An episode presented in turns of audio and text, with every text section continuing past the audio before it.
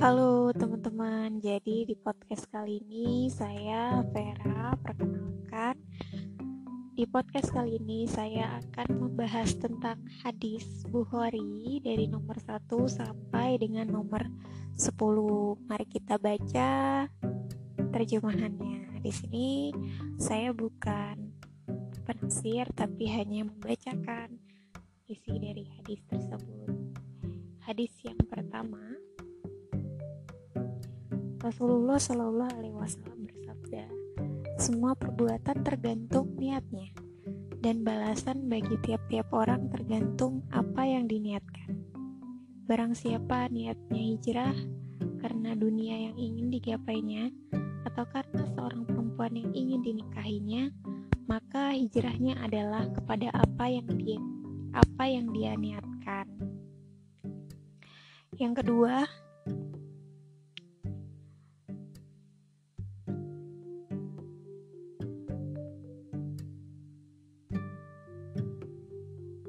Wahai Rasulullah, bagaimana caranya wahyu turun kepada engkau? Maka Rasul Shallallahu Alaihi Wasallam menjawab, terkadang datang kepadaku seperti suara gemericik lonceng, dan cara ini yang paling berat buatku.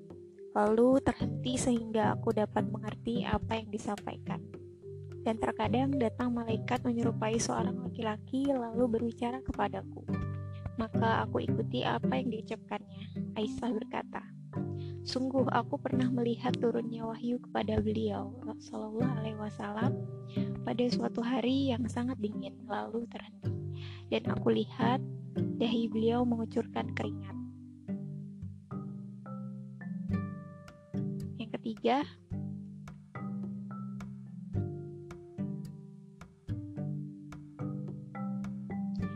permulaan wahyu yang datang kepada Rasul Shallallahu Alaihi Wasallam adalah dengan mimpi yang benar dalam tidur, dan tidaklah beliau bermimpi kecuali datang seperti cahaya subuh. Kemudian beliau dianugerahi kecintaan untuk menyendiri.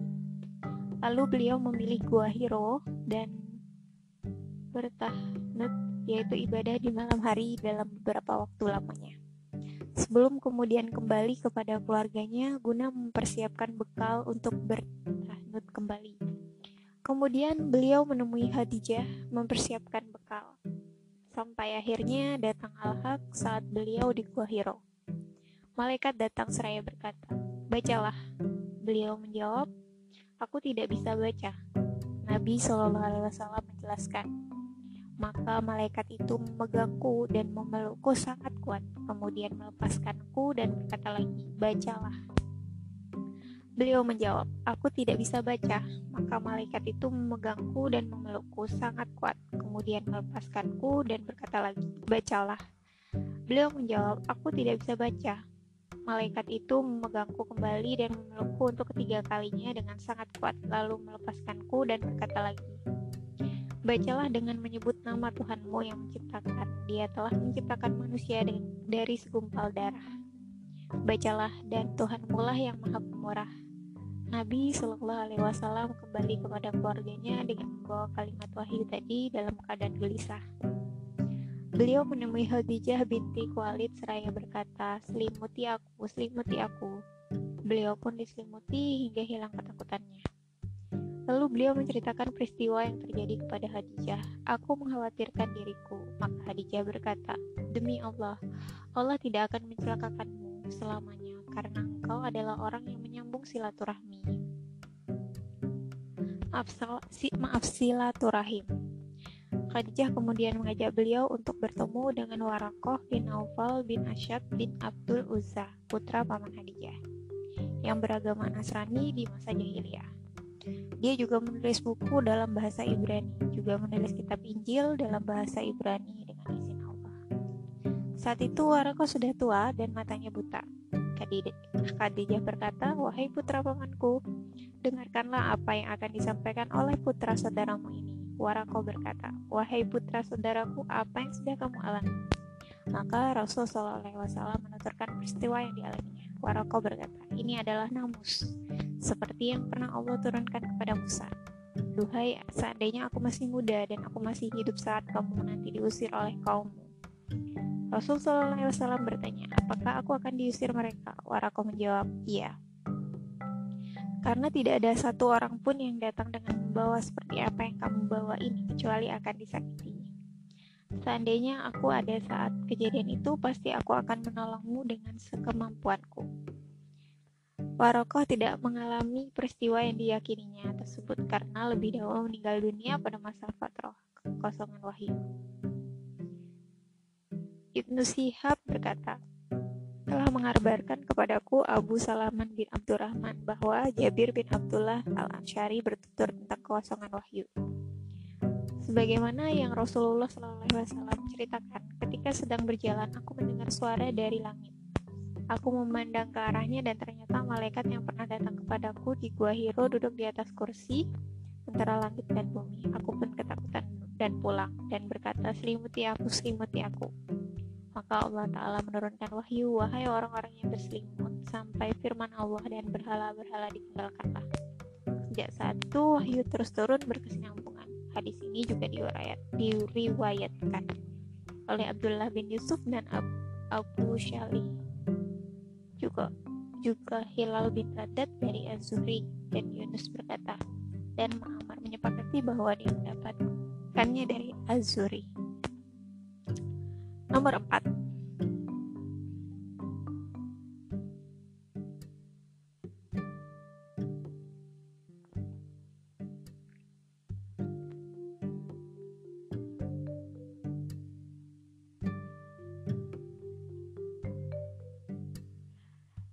Dari Ibnu Abbas berkata, Rasulullah SAW sangat kuat keinginannya untuk menghafalkan apa yang diturunkan Al-Quran dan menggerak-gerakkan kedua bibir beliau. Berkata Ibnu Abbas, aku akan menggerakkan kedua bibirku untuk membacakannya kepada kalian sebagaimana Rasul SAW melakukan kepadaku. Berkata Said, aku akan menggerakkan kedua bibirku untuk membacakannya kepada kalian sebagaimana aku melihat Ibnu Abbas, Ibnu Abbas melakukannya. Maka Nabi Shallallahu Alaihi Wasallam menggerakkan kedua bibirnya. Kemudian turunlah firman Allah, janganlah kamu gerakkan lidahmu untuk membaca Al-Quran karena hendak cepat-cepat menguasainya. Sesungguhnya atas tanggungan kamilah mengumpulkannya di dadamu dan membuatmu pandai membacanya. Maksudnya Allah mengumpulkannya di dalam dadamu untuk dihafalkan, kemudian kamu membacanya. Apabila kami telah selesai membacanya, maka ikutilah bacaannya itu. Maksudnya, dengarkanlah dan diamlah. Kemudian Allah Ta'ala berfirman, kemudian sesungguhnya atas tanggungan kamilah penjelasannya. Maksudnya, dan kewajiban kamilah untuk membacakannya. Dan Rasul Shallallahu Alaihi Wasallam sejak saat itu bila Jibril Alaihissalam datang kepadanya, beliau mendengarkannya. Dan bila Jibril Alaihissalam sudah pergi, maka Nabi Shallallahu Alaihi Wasallam membacakannya kepada para sahabat. Sebagaimana Jibril Alaihissalam membacakannya kepada beliau Shallallahu Alaihi Wasallam. Nomor 5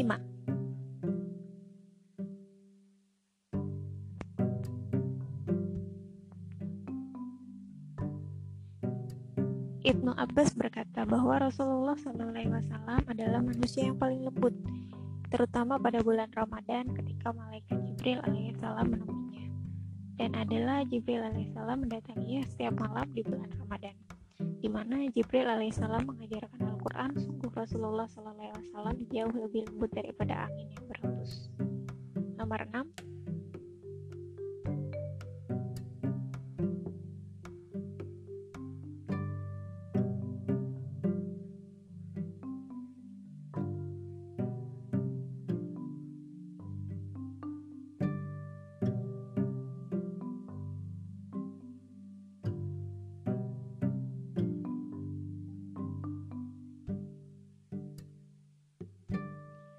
Oke, saya akan bahas sampai nomor 5 dulu.